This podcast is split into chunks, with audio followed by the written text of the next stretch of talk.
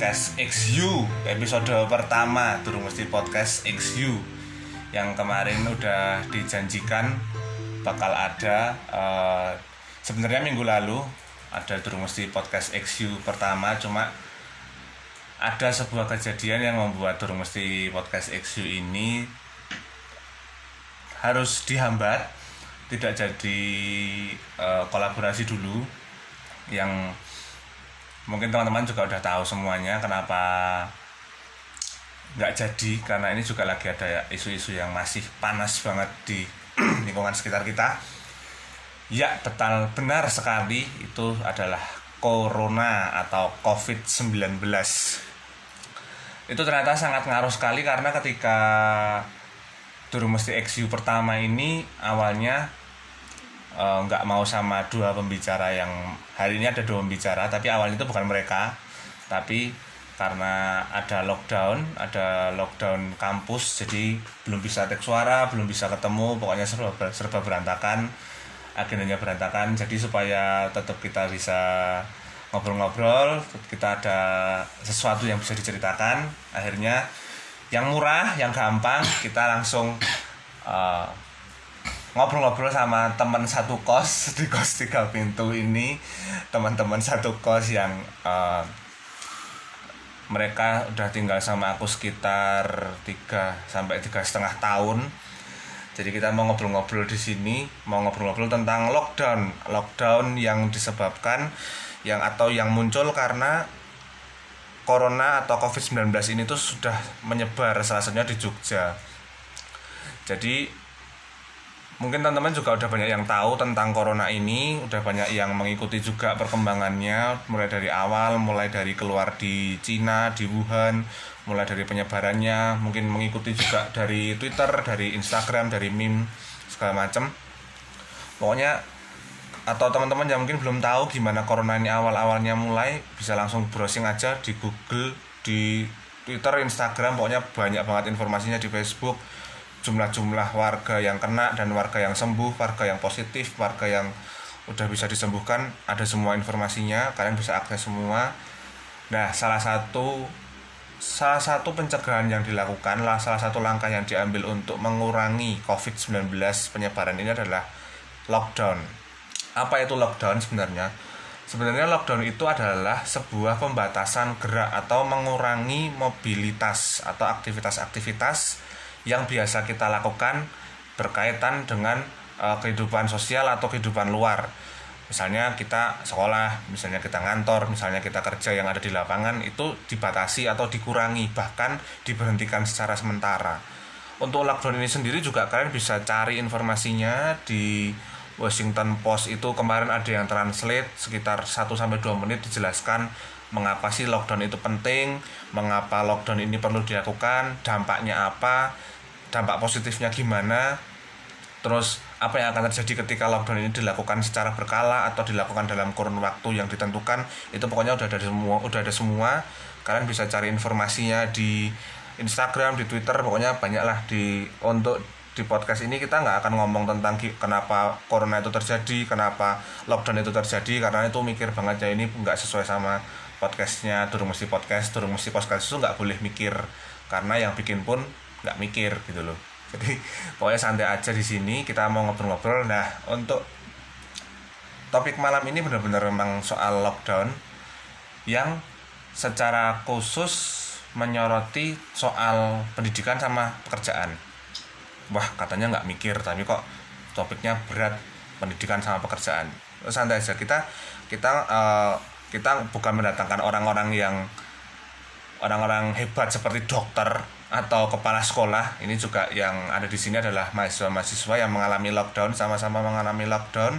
Ada di satu kampus yang sama juga tapi kebetulan uh, berbeda. Yang satu menjalani kuliah hanya kuliah dan satunya kuliah sambil bekerja. Jadi otomatis mereka sangat paham keadaan lapangan keadaan di Jogja itu sendiri gimana dan ini mungkin uh, teman-teman yang dari luar Jogja yang mendengarkan podcast ini bisa sharing-sharing juga bisa komentar di Facebook atau DM Instagram atau Facebook segala macam untuk menceritakan apa yang akan terjadi atau apa yang sudah terjadi di Solo mungkin di Bandung atau di mana pun. Tapi untuk podcast kali ini uh, aku akan mencoba menceritakan apa yang terjadi di Yogyakarta terutama untuk kejadian lockdown yang ada di uh, kampus atau di sekolah-sekolah dan di uh, pekerjaan. Untuk lockdown sendiri itu sebenarnya sudah mulai uh, keluar uh, surat keputusannya surat keputusannya untuk kebijakan-kebijakan lockdown untuk memberhentikan aktivitas sementara itu sudah mulai minggu lalu. Beberapa kampus-kampus sendiri di Jogja itu sudah banyak yang lockdown. UNY mungkin UGM awalnya UGM itu dari Fakultas Teknik tapi akhirnya UGM semua jurusan itu lockdown. Lalu UNY lalu ada yang swasta atau Atma Jaya. Kemarin Sanata Dharma sempat sempat uh, tidak ada wacana lockdown tapi akhirnya semua perkuliahan itu dijadikan online semua. Jadi sebenarnya bukan libur ya ini ya sebenarnya bukan libur tapi semua perkuliahan tatap muka ini diganti dengan cara online. Itu untuk yang kuliah untuk yang SMA SMA untuk Yogyakarta sendiri barusan baca berita ini katanya Jogja ini dalam minggu ini belum ada lockdown karena setiap orang tua dan siswa mau diberikan pendidikan tentang coronavirus terlebih dahulu. Supaya apa? Supaya orang-orang ini ketika akhirnya nanti e, pelajaran tidak tatap muka atau tidak ke sekolah itu mereka tetap ada di rumah menjaga kesehatan dan bukan malah mancing atau melakukan kegiatan-kegiatan yang lain. Karena tadi pagi ketika ketika aku cari sarapan ini tuh ada kejadian di mana ada anak-anak kecil uh, kebetulan SD itu libur entah SD mana yang pasti mereka libur karena jam segitu harusnya mereka udah sekolah. Itu sekitar setengah delapan. Mereka malah pergi mancing bawa pancing. Ya itu mungkin salah satu salah satu uh, kebijakan yang diberikan oleh Bapak Sultan juga bahwa seminggu ini setelah sekolah untuk SMA SMP kayaknya itu akan ada penyuluhan terlebih dahulu buat anak-anaknya, buat orang tuanya juga. Jadi untuk di universitas dalam minggu lalu sama minggu ini sudah mulai. Minggu ini perkuliahan semua sudah online, sudah mulai banyak-banyak tugas. Banyak-banyak tugas yang diberikan lewat uh, Learning Management System atau LMS. Untuk yang SMA mungkin juga ada yang libur, SMP juga. Pokoknya sistem lockdown ini sudah berjalan. Nah, lockdown ini pun sebagai sebuah program baru ya atau lockdown ini kan menciptakan kultur belajar baru. Mulai dari SD, SMP, SMA, kuliah bahkan orang-orang kerja. Lockdown ini menciptakan sistem baru menciptakan sistem kebiasaan baru di mana kita itu juga perlu beradaptasi dengan lockdown ini. Dalam proses adaptasi itu juga uh, orang-orang kadang merasa keberatan atau orang-orang ada yang merasa mendukung. Kalau secara pribadi mungkin aku sendiri merasa lockdown ini memang penting sekali melihat uh, betapa corona ini sudah mulai menyebar maraknya itu luar biasa. Tapi ada juga orang yang uh, merasa mungkin keberatan atau kurang setuju dengan lockdown ini. Dan di sini sudah ada Mas Yohanes Beni Satria. Selamat pagi Mas Yohanes Beni Satria. Sudah jam satu pagi. Selamat pagi. Sudah jam satu pagi. Ini kita sudah lagi ambil suara ambil suara ambil saya jam satu pagi. Uh, Mas Beni Satria ini mungkin buat kalian yang nggak tahu uh, Beni ini udah hidup sama aku sekitar berapa tahun? Kan tiga tahun ya Ben tiga tiga tahun tiga tahun ada di kos yang sama. Nah untuk Benny ini uh, dia adalah salah satu orang yang aku kenal yang kurang setuju atau keberatan dengan sistem lockdown. Oke Ben, sekarang kamu coba cerita Ben, kenapa sebenarnya sih uh, ke, dari awal waktu Sanata Dharma ini, wah kita nyebutin langsung kamu saja lah. Sanata Dharma ini awalnya itu belum men, men, belum belum ada sistem lockdown ya pada waktu itu ya, masih pembelajaran itu masih dianjurkan tetap ada lalu dengan menyediakan hand sanitizer atau uh, alat pengatur suhu tapi hari ini semua pembelajaran akhirnya online semua nah dari pertama kali wacana Sanata Dharma itu SK turun tidak ada lockdown itu aku sama Benny udah mulai debat debat-debat kecil. Karena aku merasa lockdown ini perlu Benny merasa dia kerepotan dengan lockdown ini. Nah kenapa Ben kenapa kenapa sebenarnya uh, kamu merasa lockdown ini tuh mungkin membuat kamu repot gitu?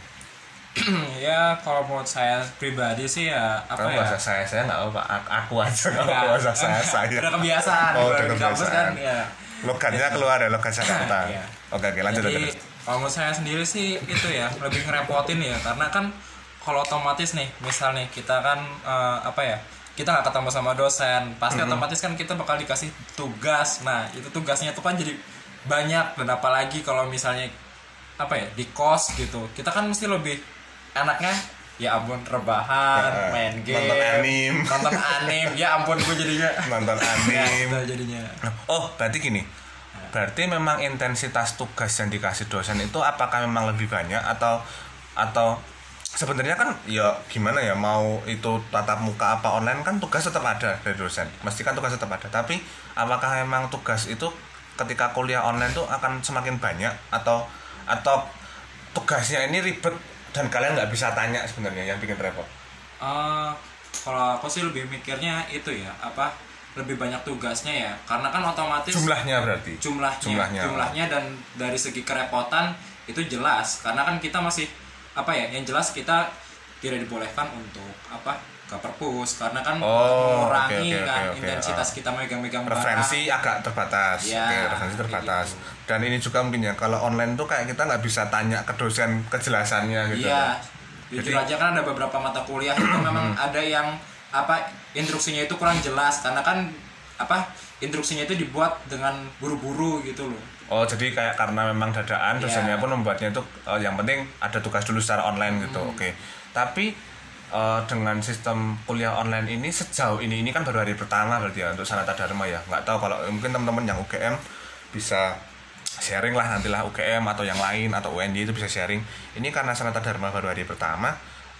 Tapi dosen ini eh, untuk di WA itu gampang apa?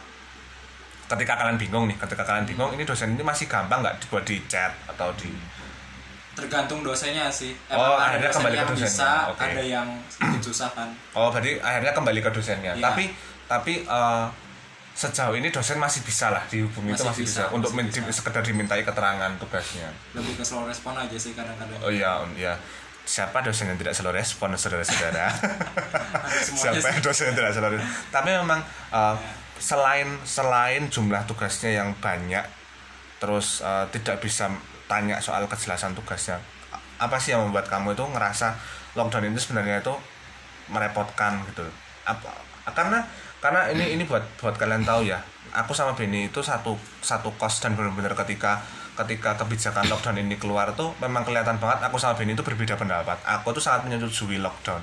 Lah Benny itu enggak. Nah kira-kira apa lagi Ben? Hal yang membuat kamu tuh ngerasa aduh nggak usah lah nggak usah lockdown lah ngapain sih? gitu Ya, ya sebenarnya sih yang utamanya sih itu sih.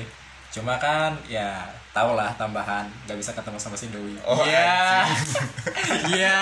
emang anjing ujung-ujungnya yang yangan jadi Ya, gitu. jadi ta- tapi tapi eh, berarti eh, ya kalau pacaran nggak usah dihitung lah ya Iya. saya LDR mas kamu Bonus. nggak usah kamu nggak usah kayak gitu mas saya Iya, iya, LDR iya. nggak pernah ketemu pacar saya tapi memang eh, berarti yang memang memberatkan itu soal banyaknya jumlah kuliah jumlah tugas, Tugas, kuliahnya sama kejelasan instruksi.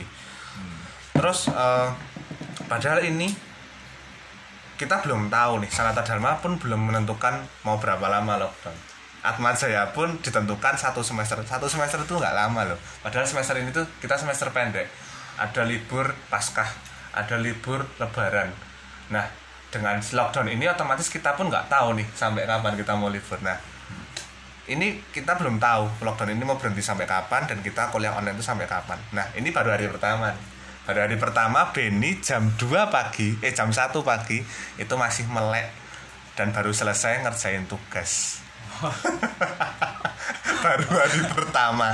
Ini harusnya harusnya kalau kuliah online jam segini tuh tugas sudah mulai masuk tugas baru. Kalau aku mending nggak tidur mending nggak tugas. Iyalah. Nah, ini baru hari pertama. Nek, kalau menurutmu eh, ketika kamu kamu merasa kamu tidak setuju tapi akhirnya kampus tetap meminta untuk lockdown dan tetap mengerjakan tugas secara online. Lah kamu bisa kasih apa sih saran buat orang-orang yang mungkin di luar sana mungkin banyak juga orang yang sependapat juga sama kamu, orang yang kurang nyaman dengan lockdown ini. Kamu bisa ngasih saran apa buat orang-orang yang mungkin juga kurang setuju dengan lockdown. Orang-orang nggak setuju lockdown ini menurutku orang-orang yang sangat eh, kebal daya tahan tubuhnya. Karena dia lebih milih yang penting aku kuliah aku di lapangan nggak peduli corona segala macam aku nggak peduli. Menurutku orang-orang orang-orang yang nggak setuju lockdown ini eh, orang-orang apa ya orang-orang yang adalah men, eh, kayak nggak mau ribet gitu nggak sih ujung-ujungnya? Iya ujung-ujungnya karena ini juga ada oh ada juga poin gini. Orang yang nggak mau kuliah online itu terbatas koneksi internet juga iya Nah, jadi kayak kayak kadang misalkan tugas yang harusnya dikumpulin, tapi eh, karena koneksi internetnya buruk kayak yang harusnya udah sampai tapi belum sampai gitu loh. Emang, emang itu tapi belum belum ngalami. Belum pernah ngalami berarti. Belum, hari ini belum. hari ini belum Hari ini belum. Besok mungkin ya. mungkin mungkin besok yang harusnya deadline jam 11 ngirim setengah 11 terus jaringan mati.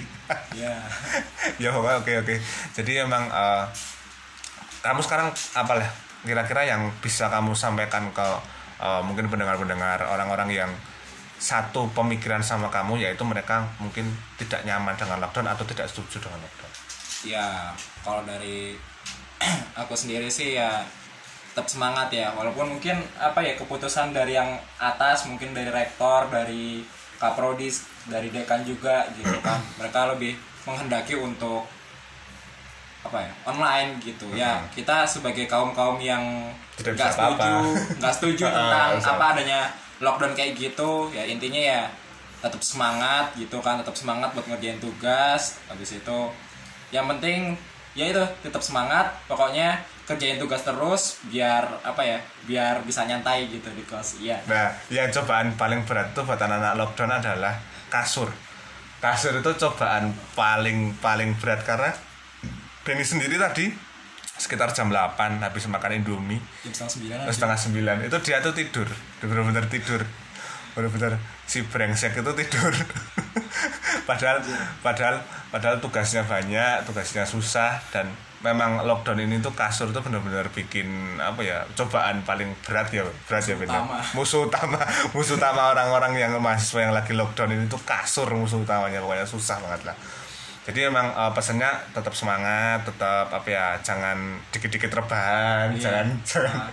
jangan gampang rebahan jangan gampang tergoda untuk nanti ah nanti ah karena as numpuk ya pasti ya iya jelas Udah jadi korban saya itu Eh, udah jadi Iya. baru hari pertama ini baru hari pertama udah ada lima tugas ya. ya sudah ada lima tugas yang menumpuk nah nah ini selain selain eh, soal mahasiswa juga yang nggak setuju dengan lockdown eh, kita juga bisa ngelihat ada juga profesi-profesi di luar mahasiswa ya di luar mahasiswa profesi-profesi yang mereka tidak lockdown, tidak akan menerapkan lockdown. Karena apa? Karena memang pekerjaannya mereka ada di ranah sosial. Yang pertama jelas kelihatan itu orang-orang yang diminta untuk mengurusi corona ini yaitu dinas kesehatan, yang jelas itu pasti. Lalu dinas perhubungan yang menghubungkan mungkin antar stasiun, antar bandara, orang-orang itu itu eh, itu pasti orang-orang yang tidak akan libur. Terus tenaga rumah sakit, orang-orang yang ya gimana mereka mau tutup ya terus siapa yang ngurusin orang-orang yang pasien-pasien ini? Nah terus ini tadi tadi mungkin kalian udah dengar ada yang batuk-batuk ini. Nah ini tinggal suspek ini. Nah ada satu juga pekerjaan yang tan mungkin uh, kalian sudah sadar bahwa pekerjaan ini mungkin bukan pekerjaan yang sewah dishub sewah dokter tapi mereka pun tidak mengenal lockdown. Bukan tidak mengenal lockdown tapi mereka pun tidak berpengaruh mau lockdown apa enggak ya bodoh amat tetap jalan. Yaitu pekerjaan ojek online. Nah tadi ada Mas Beni namanya. Ada Beni yang eh, dia curhat sebagai anak kuliah dia keberatan soal lockdown nah di sini ada Mas Edo. Dia ini eh, orang yang udah hidup sama saya ya ya empat tahun ya empat tahun ya tuh Hmm. empat empat Hampir. hampir hampir empat tahun. Tahun hampir hampir empat tahun hidup sama saya. Mas Edo ini adalah orang yang kuliah masih kuliah masih skripsi. Sambil eh, kerjanya sehari-hari adalah ojek online. Nah tadi aku bilang bahwa eh, ada pekerjaan yang tidak berpengaruh soal lockdown yaitu ojek online. Karena eh, ketika tadi aku hari ini aku keluar dua kali itu belanja bulanan dan eh, sarapan sarapan pagi. Itu ojek online tetap tetap tetap jalan. Dan hari ini pun itu baru pulang kos jam piro tuh jam berapa tuh? 11 jam 11 malam jam 11 malam tuh baru pulang. Habis bener-bener baru narik. Nah eh, mungkin eh, Edo bisa cerita dulu kenapa eh, sebagai seorang ojek online kenapa kamu memilih untuk tidak tidak ikut lockdown? Yaitu kamu nggak ikut nggak ikut di kos kamu kamu lebih memilih untuk tetap di jalan tetap tetap apa namanya tetap narik tetap on istilah drivernya kan tetap on. Kira-kira kamu mungkin bisa cerita kenapa sih kamu lebih memilih untuk lah bodo amat lah yang penting aku tetap narik gitu. Oke. Oh, iya. yang pertama itu alasanku itu nggak menutup kemungkinan itu tentang cuan ya. Oke cuan. Tentang uang. Nah kita kan juga butuh uang. Namanya mahasiswa tetap butuh tambahan uang. Oke jajan lah ya. Buat jajan. Ya buat beli rokok buat beli apa maem atau apa. Nah eh, ketika lockdown itu berlangsung otomatis kan banyak orang itu yang tidak keluar ke luar rumah gitu oh keluar rumah Oh, keluar Oh, rumah oke oke oke nggak keluar kos nggak keluar rumah Eh, oke oh. Nah, kecenderungan mahasiswa itu kan tidak masak sendiri atau tidak menyetok bahan-bahan makanan mentah. iya iya Karena setiap kosan juga nggak belum tentu ada dapurnya. Heeh. Alternatifnya itu kan mereka pada memanfaatkan GoFood atau GrabFood. oke Nah, di saat banyak orang yang di rumah aja atau lockdown, otomatis orderan GoFood atau GrabFood itu kan meningkat. ya karena hukum hukum apa kan Nah, hukum permintaan hukum permintaan oh. meningkat. Nah, kalau drivernya itu off, banyak yang off, nggak on beat. Itu yang mau beliin itu kan siapa? oke mungkin beberapa driver itu akan off juga. Nah, aku itu memanfaatkan keadaan lockdown ini untuk apa ya, semacam meningkatkan pendapatan lah. karena ada peluang ya berarti ya? Berarti Ah, kamu melihat sebuah peluang. Ya, peluang peluang banyaknya order GoFood atau GoRed atau GoSend atau segalanya lah. Karena akan ke Gojek bukan ke Grabnya. Nah, itu kan bisa dimanfaatkan untuk menambah lebih menambah banyak orderan. Itu yang pertama tentang uang. Yang kedua itu ya tentang apa ya melayani customer customer itu. Kalau misalkan banyak ojek yang apa ya yang off itu juga tentunya orang-orang itu akan kerepotan untuk pergi ke mana-mana. Itu bagi mereka yang terpaksa untuk pergi. Eh, karena kalau ya kita tahu ya di Jogja kan ada Trans Jogja. Trans Jogja sendiri itu kan enggak apa ya enggak ya maaf aja ini enggak enggak apa namanya efisien atau iya karena karena juga perintah dari pemerintah juga menghindari penggunaan kendaraan umum juga. Ya, kendaraan umum. Dan itu kan kalau kita mau ke shelternya Trans Jogja itu harus jalan harus ke halte. ke halte itu kan juga udah ke udara bebas ya. Kalau kalau aku itu ya kalau yang goret kan itu lebih apa ya lebih ke Jemput praktisnya. oh, langsung Oh. kejemput. Jadi kamu keluar kosan sebentar atau keluar rumah sebentar langsung ada driver langsung berangkat pakai masker pakai helm udah ya aman. Nah kalau aku dalam menjaga apa ya keamanannya itu keamanan customer itu sekarang aku menyediakan apa itu hand sanitizer. Jadi aku ke mana-mana bawa itu buat ya kalau ada penumpang yang butuh bisa memakai atau mintalah gitu Oh. buat kebersihan berarti hand sanitizer yang eh, yang kamu sediakan itu bukan cuma dipakai buat kamu secara pribadi sebagai driver tapi itu tidak, tidak. oh berarti itu untuk fasilitas eh, fasilitas orang-orang yang kebetulan dapat driver kamu ya ya bisa Oh, dan memang ada, memang ada, memang kamu menawar sengaja menawarkan atau memang ada orang yang memang minta mas ada hand sanitizer kayaknya nggak mungkin kan orang itu Ah, mikir ah. minta driver punya tapi kamu menawarkan berarti aku menawarkan malah aku ingin berinovasi kalau tasku itu mau tak kasih kantong belakangnya langsung hand sanitizer. Itu buatnya Oh, ke- ke- oke, kenyamanan penumpang lah gitu. oke oke. Berarti memang disediakan hand sanitizer yang Ah, kelihatan lah yang iya. kelihatan. Hmm. tapi kalau untuk masker sendiri itu driver itu agak keberatan ya pak para para customer ojek online. Karena kita tahu ya driver apa customer? customer itu kalau minta ke masker ke driver itu kalau misalkan tidak ada jangan marah soalnya kita tahu oh harga berarti ada yang minta customer terkadang ada pak oh terkadang ada minta masker iki? ya karena memang eh, ojek itu kan juga menyediakan masker sebenarnya harusnya Harusnya. oh prosedurnya menyediakan prosedurnya masker menyediakan Oke, masker. oke, Tapi oke. kan kita sekarang melihat harga masker itu semakin melambung, semakin per box bahkan ada yang 400 ribu ya. iya Ya sekarang kalau sehari harus menyediakan satu box ya kan nggak ini ya ya, nggak common sense Nah nggak nggak nggak masuk sense. gitu kan ya. Ya kerjasamanya aja ya customer juga butuh, driver juga butuh ya masker sendirilah. Nah tapi kan sebenarnya masker itu kan diperuntukkan kepada orang yang sakit.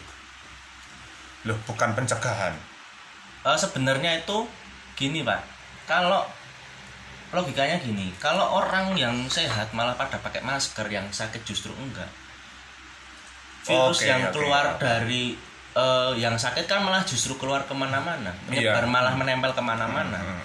kalau justru yang pakai yang sakit otomatis kan Itu pencegahan kemungkinan virus yang keluar kan udah tertahan sama Iya. maskernya. Iya. Jadi ya eh, itu pak bagi customer yang sakit mungkin yang merasa kurang enak badan mungkin ya ya flu memakai batuk ya memakai flu, masker batuk, sendiri eh. karena eh, driver-driver ojek online sekarang itu sedikit bahkan langka tidak ada yang menyediakan masker secara pribadi Iya. seperti itu.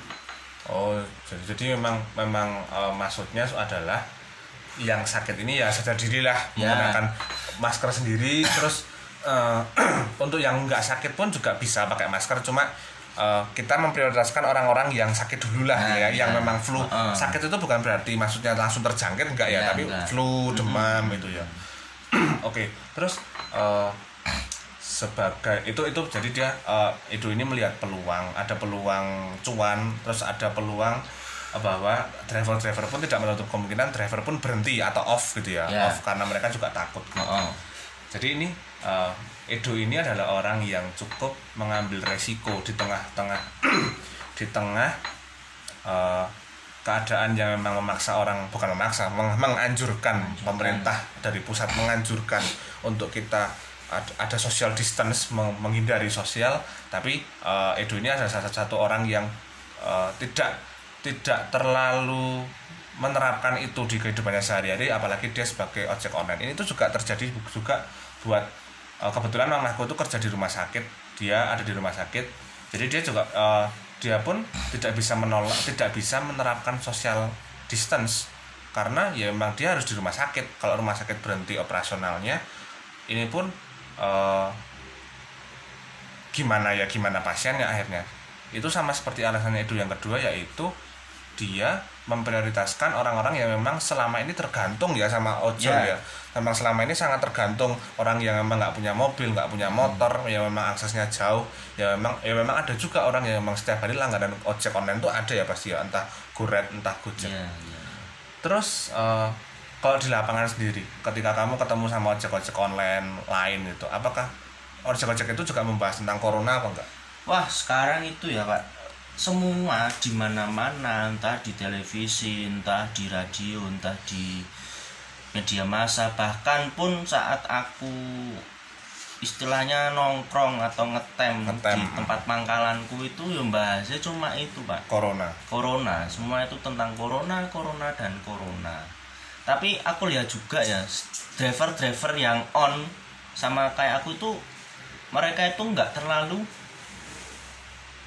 terlalu takut terhadap virus itu ya karena Enggak terlalu takut. ya nggak terlalu takut kekhawatiran tetap ada tapi ya namanya itu mata pencaharian kalau nggak narik juga kan nggak dapat uang Iya, enggak punya income juga Nah. akhirnya.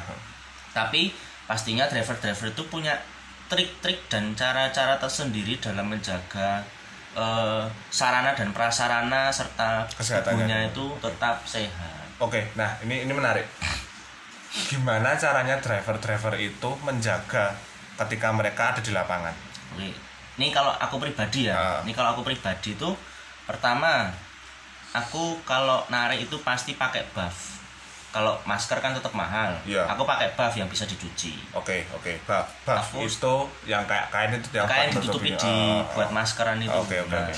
Itu aku paling enggak punya dua. Jadi kalau sehari dipakai, dicuci, besoknya pakai yang udah kering, biar selalu bersih gitu. Oke, berarti buff itu keadaan bersih terus. Oke, Oke, Tra. selalu keadaan bersih. oke, oke, oke. Yang kedua, aku selalu membawa itu tadi hand sanitizer hand sanitizer oke untuk aku pun saat menerima uang atau saat mengantarkan GoFood itu kan pasti kresek-kreseknya udah kena debu nah itu sebelum ngasih ke customer aku cuci pakai hand sanitizer dulu baru kasih customer itu buat menjaga kesterilan atau kebersihan terhadap makanan yang akan dimakan oleh customer dan eh, kebersihanmu juga kebersihan Ya, juga dan- otomatis Nah, dan ketiga itu yang paling yang penting juga itu kebersihan helm. oh kebersihan helm Nah. kenapa helm kan selalu melekat di kepala gitu loh buat Nah, untuk iya. oh, driver-driver kenapa helm ini penting Eh, yang paling penting itu sebenarnya kebersihan helmnya customer. oh iya helmnya customer Oh, customer kan itu selalu berganti-ganti. Entah itu nanti kalau kacanya ditutup customernya bersin, entah Oh, iya. atau batuk, entah atau saat ngobrol sama driver ada air liurnya yang menciprat, itu kan Muncrat, iya. tinggal di mana di helmnya itu kan. Ah. Nah, ini helmnya itu kan dipakai lagi sama customer yang lain. Kalau misalkan ya maaf aja kalau misalkan dilalai apa ya? Yang dilalai itu yang bersin itu customer yang sakit Iya. kan kasihan kan customer yang pakai selanjutnya, Nah, ah, itu selanjutnya. aku mengatasinya itu disemprot pakai alkohol yang 70% itu oh berarti ada ada alkohol yang memang untuk nyemprot kaca helm kaca helm itu ya dalamnya helm itu disemprot biar steril lagi Oh, biar steril lagi. Tapi ada nggak orang uh, customer yang ketika menggunakan helm ini kayak uh, apa ya? Dia menolak karena dia merasa takut dengan. Berarti kan otomatis gini, ketika driver itu melihat bahwa helm kebersihan helm perlu, berarti ada juga customer yang merasa helm ini tuh nggak steril. Ada nggak customer yang kayak gitu? Eh, pasti ada Pasti ada, tapi sejauh ini belum ketemu. sejauh ini aku belum menemukan customer yang nggak mau pakai helm Mm-mm. Nah, tapi kalau sarannya kalau kayak gitu ya kalau ingin men apa ya ingin memastikan bahwa helm yang customer pakai itu bersih ya bawa helm sendiri. Oh dari customernya mbak helm Ya, sendiri. tapi kan pasti repot. Iya, dan belum tentu punya helm juga Juga, customer juga. pasti. Nah, eh, hal itu tuh bisa diatasi dengan cara ya customer meluangkan sedikit uangnya itu untuk membeli apa itu top cup apa hair cup Oh, sing gua adus. ya oh, yang, buat, mandi, itu oh, hair buat cup mandi. sendiri itu kan sedikit membantu atau cukup membantu ya Iya. untuk kebersihan Sekedar melindungi kepala lah ya, itu kalau misalkan ada customer yang takut bisa bawa hair cap sendiri Iya. itu kan lebih bisa Terjangkau. lebih, ya lebih, Lebih terjangkau. terjangkau harganya murah dan lebih higienis lah kalau misalkan customer itu nggak percaya sama helm yang diberikan sama drivernya Oke oke. Jadi tadi ada ada dari usulnya Edo ini ada menggunakan buff, ada menggunakan hand sanitizer buat customer sama buat driver terus helm. Terus kira-kira ap- apa lagi? Apalagi yang untuk driver dulu deh, untuk driver Hmm. dulu untuk orang-orang yang memang bekerja sebagai ojek-ojek online itu kira-kira apa lagi yang bisa dilakukan sarung ketika tangan, mereka sarung tangan itu juga sarung tangan. penting. Oh, sarung tangan driver. ya sarung tangan driver itu penting karena ya kan kita memegang handle motor ya stang motor itu kan tetap kena debu Iya, ada Kena- debu-debu. Ya nggak tahu di situ ada virus atau enggak Iya. paling enggak kan kalau ada virus pun itu kan menempel ke Badan. menempel ke sarung tangannya Oh, ke sarung- sarung nanti pas pas pasnya kan kalau kita mem- memberikan makanan atau memberikan apa gitu kan tetap kita copot kan Hmm. nah itu setelah dicopot driver pakai hand sanitizer tangannya udah lumayan bersih lah anggaplah bisa bersih lah ya Ya. berusaha untuk bersih Mm-mm, tetap bersih bersih. terus oh sarung tangan. Terus tangan. eh, selain ojol itu juga ada orang-orang yang di luar sana. Entah mungkin dia mungkin juga pegawai-pegawai sipil yang lagi bangun-bangun gedung. Orang yang lagi mungkin bangun-bangun jalan. Itu orang-orang yang yang satu frekuensi sama kamu. Orang-orang yang ada di lapangan mereka tetap melakukan pekerjaan meskipun pemerintah pusat meminta untuk social distance atau lockdown ini. Nah kamu sebagai orang yang ada di lapangan ini di, udah di luar sebagai kamu sebagai ojol. Kira-kira eh, apa yang kamu mau pesan apa buat orang-orang yang tetap ada di lapangan? Meskipun isu-isu lockdown ini benar-benar masih parah. Ini aja untuk buat anak kuliah ini baru hari pertama gitu loh. Baru hari pertama mulai. Otomatis ini nggak akan berjalan sekitar ya kita berharap ini cepat selesai ya. Tapi aku ngelihat sih kayaknya ini nggak akan berjalan hanya cuma sekedar seminggu apa empat hari. Ini akan berjalan agak lama. Mengingat kemarin Solo juga ada ada kasus Jogja juga positif. Satu ya? Satu balita. Nah itu kira-kira kamu sebagai orang yang ada di lapangan kamu mau pesan apa atau buat orang-orang yang juga ada di lapangan? Mungkin entah sama-sama ojol mungkin atau bahkan profesi yang lain. Tukang becak mungkin bahkan di Jogja kan andong segala macam kan masih kan banyak juga. Kira-kira kamu pesan apa buat mereka? Yang pertama itu yang paling penting ditekankan itu tentang kebersihan terutama kebersihan tangan. Kebersihan tangan kebersihan tangan itu harus sebisa mungkin setelah kita berinteraksi atau memegang benda atau ya apa pun yang mereka dikerja di lapangan misalkan tukang yang mem- mereka memegang cetok, cangkul dan segala macam kebersihan tangan itu penting. Misalkan kalau kita habis salaman sama orang atau habis bekerja itu diusahakan untuk mencuci tangan. Selalu cuci tangan, Cuci tangan. pakai hand sanitizer Yes, atau entah pakai sabun. Nah dianjurkan memakai sabun karena memakai sabun itu lebih bersih. Oh gitu. Ya Oke, oke, lebih bersih. Itu paling penting itu kebersihan sebenarnya. Yang kedua itu kalau sudah merasa tidak enak badan jangan memaksakan untuk terus bekerja. Lebih baik eh, rehatlah sebentar untuk memastikan bahwa benar-benar fit badan benar-benar sehat baru melanjutkan untuk bekerja ya. Karena nggak apa ya nggak menutup kemungkinan juga bahwa kalau orang yang agak kurang apa nggak enak badan itu kan eh, sistem imun dalam tubuhnya itu kan kurang gitu. Iya kurang kurang baik lah saya Ya, lagi nggak fit lah. Hmm, lagi nggak fit. Nah kalau misalkan ya amit-amitnya kalau ada virus di situ kan dengan mudahnya kan lebih gampang masuk iya. ke orang yang tidak sehat. Oke nggak sehat terus yang ketiga itu usahakan jangan ya mengusap muka saat berkeringat.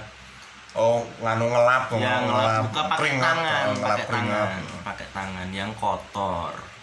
Mending langsung cuci muka atau ya dilap pakai handuk yang bersih Oh, lah atau nggak kita hand sanitizer dulu baru Oh, nah. baru. jadi nggak langsung langsung jangan jangan langsung ke muka jangan itu karena ya itulah virus corona kan menyerang dari pernapasan Iya, atau terus uh, di uh, menempel juga ya. Juga. Tapi ini menariknya adalah tentang tadi yang poin kedua yaitu ketika orang merasa nggak fit, mending nggak usah keluar keluar dulu. Jadi sekarang kan biasanya kan ada ya orang yang mem- kayak ya nggak usah orang kerja lah, orang sekolah pun ngerasa yang cuma flu, cuma batuk, ini masih memaksakan buat datang ke kampus, datang ke kelas. Orang yang kerja cuma sekedar meriang itu masih masih memaksakan diri ya masih memaksakan diri buat kerja. Nah sedangkan eh, Edo tadi itu pesan bahwa orang yang nggak kira-kira kamu nggak fit nggak usah lah kamu nggak usah keluar-keluar dulu. Ini pemerintah pusat juga kayak gitu.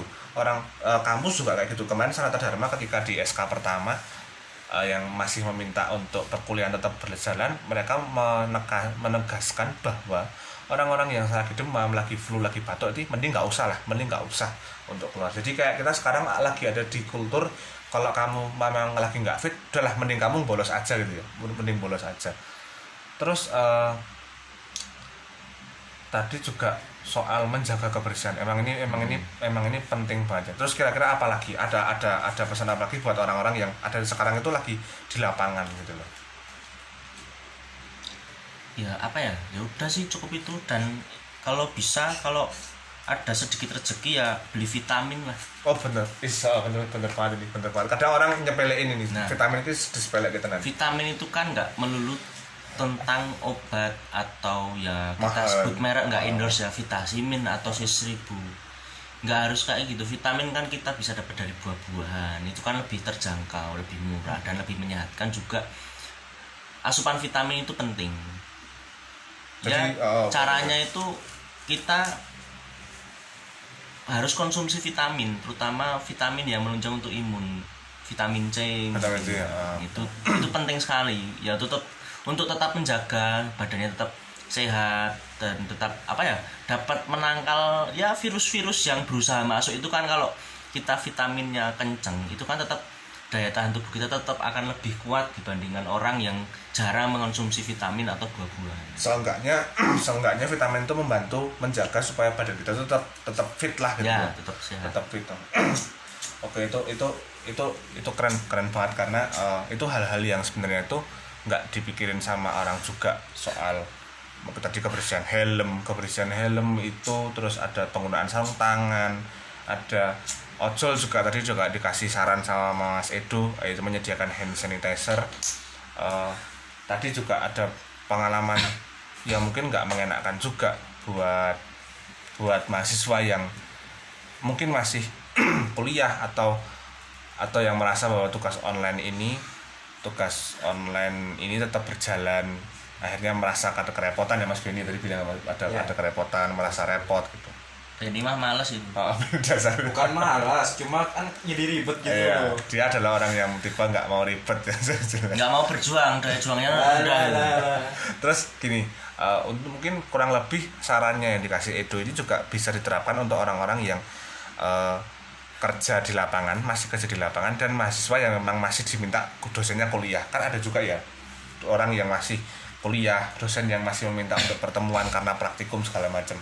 Itu kan mungkin saran-saran itu juga yang tadi kasih itu bisa di kalian pakai lah, bisa kalian pakai sanitizer, mungkin mungkin tisu basah juga ngaruh mungkin ya ya tisu basah bisa Main tisu- alternatif karena karena itu kan alkohol juga ya tisu basah ya itu. Jadi, alternatif yang sedikit agak murah nah, terus mungkin secara pribadi tadi karena kebetulan aku belanja belanja di Mirota kampus eh, terus aku kebetulan aku ini orang yang sangat eh, cukup parno lah ya dengan adanya corona ini. Aku sangat mengikuti berita-berita tentang corona ini entah dari koran Twitter Instagram segala macem supaya karena apa? Karena orang tua aku ini adalah orang tua terutama ayah ayahku ini orang yang cukup panik dengan corona ini makanya aku perlu membaca banyak berita supaya seenggaknya ayahku ini tuh nggak kena berita-berita hoax. Nah ini yang paling penting.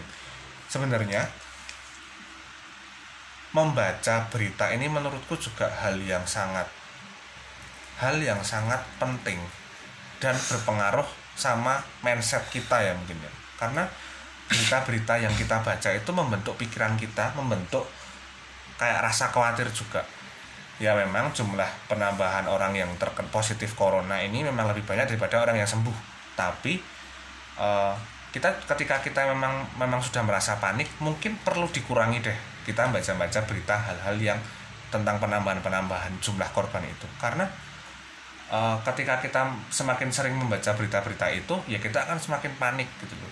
Nah orang panik itu tuh obatnya susah orang panik itu akan membentuk orang-orang yang keras kepala orang-orang yang terlalu parno orang-orang yang justru menarik diri dari lingkungan sosialnya dia sampai nggak mau omong-omongan sama orang lain mungkin. Itu mungkin hal yang sangat salah sangat kurang tepat.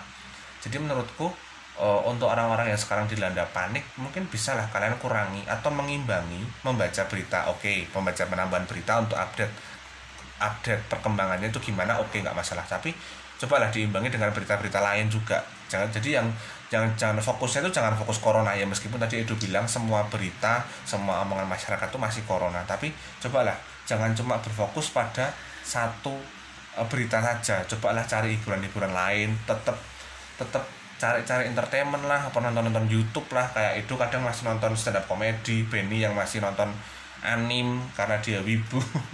Enggak ya Karena- kurang karena tuh karena dia wibu. Masih masih kita masih harus tetap mengimbangi lah. Kita harus tetap mengimbangi eh, konsumsi berita kita. Apa yang kita baca itu harus tetap kita eh, jaga. Jangan sampai kita terlalu kemakan berita-berita akhirnya rasa takut kita ini rasa takut rasa panik itu tuh muncul. Nah itu tuh yang repot adalah ketika kita parno ketika kita repot yang repot itu juga bukan cuma kita tapi orang-orang di sekitar kita yang merasa mereka nggak bisa bantu kita juga. Lah gimana orang orang panik? Gimana nolong cara cara nolong orang panik? Itu kan mindset ya akhirnya. Itu dari pikiran dari pikiran juga. Terus eh, tadi juga Benny itu juga ada pesan-pesan buat kalian yang masih di jalan kalian yang ada masih ada kerja di lapangan itu buat tetap menjaga kebersihan lalu tetap eh, semangat. Entah sistem sistem kuliahnya itu lagi berganti atau apa pun semua yang kalian lakukan entah kalian yang memang mengikuti lockdown ini dengan memang mengikuti aturan untuk, untuk social distance atau menghindari aktivitas sosial atau kalian yang masih ada di lapangan kayak Edu atau kayak aku yang memang akhirnya cuma di rumah cuma di kos keluar kalau cuma pipis atau eh, eh kali cuma atau atau apa pun lah apa pun pilihan kalian di tengah keadaan lockdown ini apa pun apa yang kalian ambil uh, yang jelas jangan memperkeruh keadaan mungkin ya. Jangan memperkeruh keadaan dengan ketika kalian menge- uh, kalian menerapkan lockdown atau kalian mengikuti anjuran pemerintah untuk lockdown atau social distance ya jangan uh, menjelek-jelekan orang yang di lapangan ya. Hmm. jangan menjelek-jelekan jangan jangan langsung parno sama orang-orang yang masih di lapangan.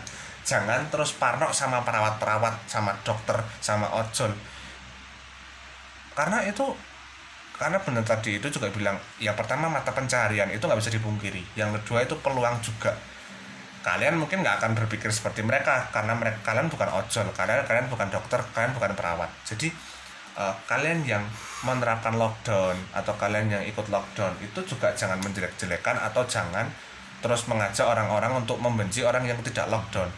Pun sebaliknya jangan juga sampai orang-orang yang eh, tetap di lapangan atau orang-orang yang tidak melakukan social distance ini jangan menganggap bahwa orang-orang lockdown ini orang-orang yang aleman, orang-orang cemen gitu loh. Setiap orang itu punya punya pertimbangan sendiri.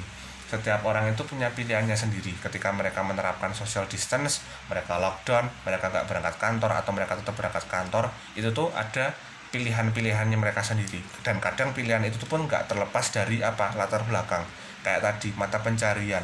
Kalau mereka nggak narik mereka nggak kerja ya mereka nggak punya uang sama sekali. Ya, terus mereka mau gimana? Itu kayak gitu.